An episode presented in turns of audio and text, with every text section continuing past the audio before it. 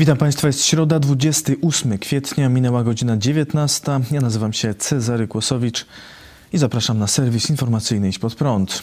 CBA uderza w szefa Najwyższej Izby Kontroli po kontroli wyborów. W poniedziałek portal Onet ujawnił wyniki postępowania Najwyższej Izby Kontroli w sprawie niedoszłych wyborów korespondencyjnych, które próbowano przeprowadzić w maju zeszłego roku.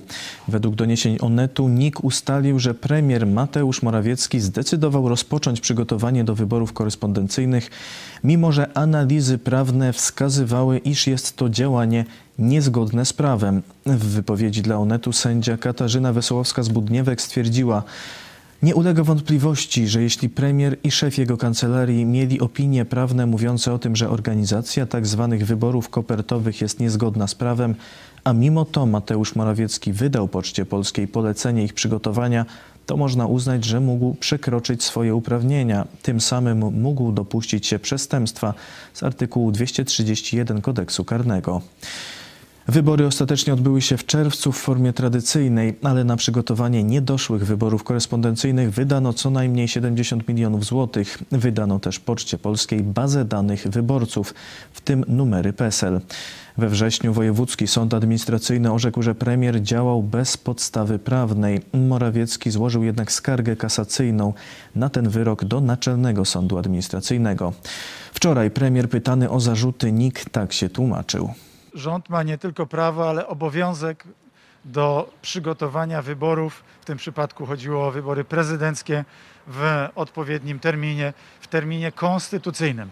Podkreślam w terminie konstytucyjnym, bo z tego można wywnioskować, że jest to obowiązek konstytucyjny.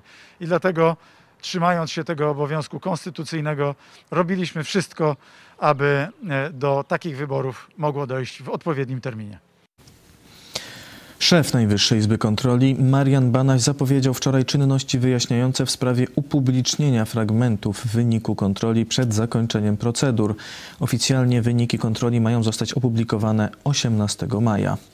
Dziś media obiegła informacja, że agenci Centralnego Biura Antykorupcyjnego weszli do domu syna szefa NIK, Jakuba Banasia. Funkcjonariusze mieli szukać dokumentów związanych z dotacjami na remont willi w Krakowie, która należy do Jakuba Banasia. Działania są związane ze śledztwem dotyczącym Mariana Banasia, które prowadzi prokuratura w Białymstoku. Agenci szukali także wszystkich rozliczeń podatkowych i księgowych firm Jakuba Banasia i jego żony. CBA przeszukiwało już mieszkania Jakuba Banasia, Mariana Banasia, a także jego córki w lutym zeszłego roku. Marian Banaś wydał dziś specjalne oświadczenie w sprawie. Działania operacyjne CBA wobec mojego syna nie mogą być rozpatrywane bez kontekstu, jakim jest opublikowanie wczoraj przez media fragmentów wyników kontroli dotyczącej organizacji wyborów korespondencyjnych, mówił szef NIK. Podkreślił, że to kolejne przeszukanie w nieruchomości jego syna.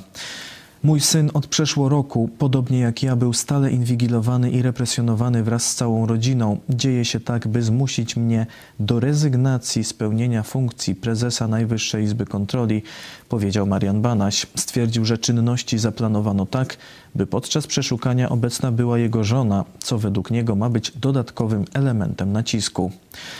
To przypomina mi czasy bolszewickie, kiedy po ogłoszeniu stanu wojennego za to, że byłem patriotą wiernym Polsce i Solidarności, zostałem aresztowany i skazany na cztery lata więzienia. Dzisiaj w rzekomo wolnej i niepodległej Polsce obecna władza robi to samo. Kto się z nią nie zgadza na podstawie pomówień, może być w każdej chwili aresztowany i skazany.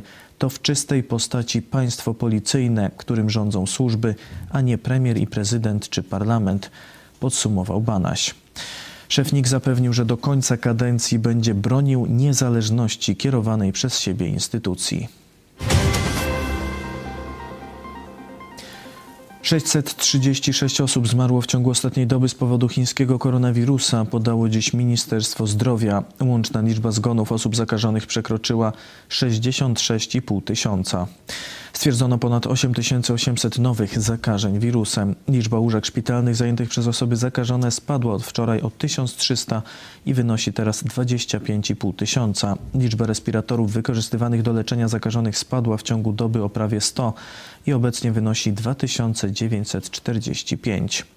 Już 8 milionów osób otrzymało w Polsce szczepionkę przeciw koronawirusowi. Dwie dawki otrzymało 2 miliony 740 tysięcy osób.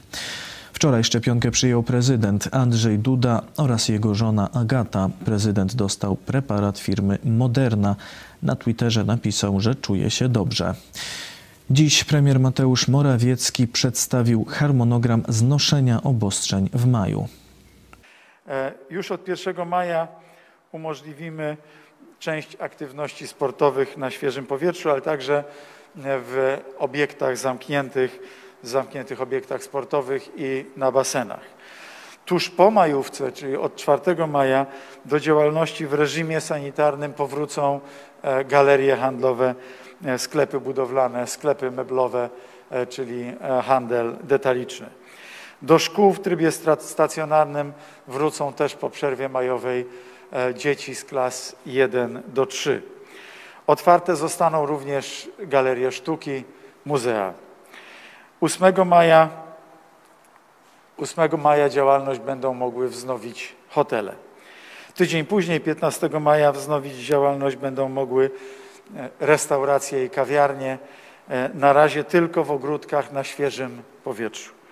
Ponadto dzieci z klas 4 do 8 i uczniowie klas średnich, e, szkół średnich będą mogły wrócić do szkół w trybie hybrydowym, właśnie też z tą datą e, 15 maja.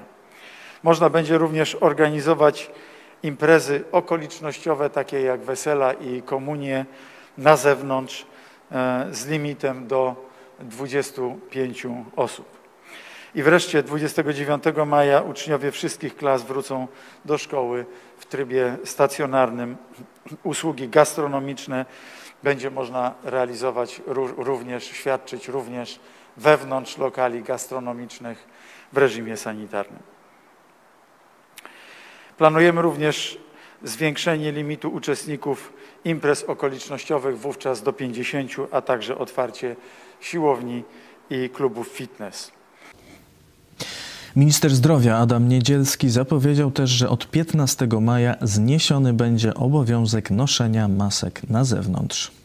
Od tego terminu e, będziemy e, proponowali rozwiązanie, że na zewnątrz maseczki e, nie będą musiały być noszone, o ile oczywiście jest zapewniony dystans półtora metrów, ten, który jest wymagany. W każdej sytuacji, która oznacza no, niemożliwość zachowania tego dystansu, maseczki nadal powinny być noszone, bo są tym podstawowym zabezpieczeniem. Prokuratura zajmie się groźbami wobec lekarzy. Po przekształceniu powiatowego szpitala w Szamotułach w placówkę przeznaczoną dla pacjentów z COVID w internecie pojawiły się groźby wobec lekarzy. Jak relacjonuje portal eszamotuły.pl, lekarzom grożono śmiercią i wyzywano od zwyrodnialców. Dyrektor Ośrodka Zdrowia złożył w prokuraturze wniosek o ściganie z urzędu za przestępstwo znieważenia. Portalowi Eszamotuły dyrektor placówki powiedział: Protestuje przeciwko poniżaniu ciężko pracujących ludzi. Medycy z poświęceniem walczą z epidemią o zdrowie i życie innych. Sami ryzykują zarażeniem także swoich rodzin. Są od roku permanentnie przemęczeni i zestresowani. W zamian dowiadują się, że są pederastami i że trzeba ich rozstrzelać. To nie do zaakceptowania. Już 3 miliony 150 tysięcy osób zmarło na całym świecie z powodu koronawirusa z komunistycznych Chin, w tym blisko 15 tysięcy wczoraj. Portugalia ogłosiła zniesienie stanu wyjątkowego. Prezydent Portugalii Marcelo Rebelo de Sousa zaznaczył, że sytuacja epidemiczna będzie cały czas monitorowana oraz że stan wyjątkowy zostanie przywrócony w przypadku gwałtownego wzrostu liczby zakażeń koronawirusem. Izba Lekarska w Lizbonie potwierdziła, że od ponad dwóch tygodni nie odnotowano żadnych zgonów z powodu wirusa wśród pensjonariuszy domów opieki społecznej.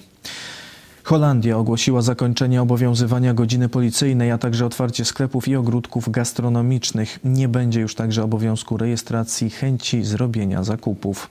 Holenderski minister zdrowia w liście przekazanym parlamentowi poinformował, że powodem decyzji jest rosnąca liczba szczepień oraz prognozy ekspertów wskazujące na spadek zakażeń. Tymczasem media holenderskie nagłaśniają wypowiedzi lekarzy, którzy uważają decyzję za przedwczesną. Wirusolog Marion Kopmans w rozmowie z dziennikiem Metro powiedziała, że szpitale ciągle są przepełnione, liczba zgonów utrzymuje się na wysokim poziomie. Wielka Brytania poinformowała, że już ponad 25% dorosłych mieszkańców otrzymało obie dawki szczepionki, a przynajmniej jedną dawkę otrzymało ponad 64% dorosłych mieszkańców. Stany Zjednoczone zniosły obowiązek noszenia masek ochronnych wśród osób zaszczepionych przeciw koronawirusowi. Centrum Kontroli i Prewencji Chorób poinformowało, że wyjątkiem od tej zasady jest przebywanie w tłumie. Szefowa centrum Rochelle Walencki oświadczyła: Dziś jest kolejny dzień, w którym możemy zrobić krok w kierunku normalności sprzed roku. W ciągu ostatniego roku spędziliśmy dużo czasu na mówieniu Amerykanom, czego nie powinni robić. Teraz powiem o tym, co można robić, jeśli jesteś w pełni zaszczepiony. Koronawirus zabija nawet kilka miesięcy po zakażeniu, a liczby zgonów są mocno zaniżone. To wnioski z badań opublikowanych na łamach brytyjskiego czasopisma naukowego Nature. Autorzy analizy twierdzą, że oficjalna liczba zgonów z powodu koronawirusa to tylko wierzchołek góry lodowej, ponieważ śmierć z powodu długotrwałych powikłań po zakażeniu nie jest wliczana do statystyk. Według naukowców ryzyko śmierci do 6 miesięcy po zakażeniu jest o 60% wyższe w porównaniu z osobami niezakażonymi. Ziyad Al-Ali, dyrektor Centrum Epidemiologii Klinicznej na Uniwersytecie Waszyngtona w St. Louis powiedział: nawet ludzie z łagodną chorobą, ci, którzy chorowali na COVID i wydawało się, że to tylko gorączka i kaszel, po paru miesiącach dostawali udaru mózgu lub zakrzepów krwi. Niektóre objawy ewidentnie związane były z COVID. Władze Hongkongu ogłosiły otwarcie barów, klubów, nocnych łaźni i barów karaoke dla osób zaszczepionych przeciw koronawirusowi. Wejście do lokali będzie możliwe od 29 kwietnia przy pomocy udostępnianej przez władze aplikacji mobilnej, w której znajdzie się informacja o szczepieniu. Hongkońska sekretarz do spraw zdrowia Sofia Chan poinformowała, że szczepienie będzie obowiązkowe dla wszystkich pracowników tych lokali. To wszystko w tym wydaniu serwisu. Dziękuję Państwu za uwagę. Kolejny serwis jutro o 19:00. Życzę dobrej nocy. Do zobaczenia.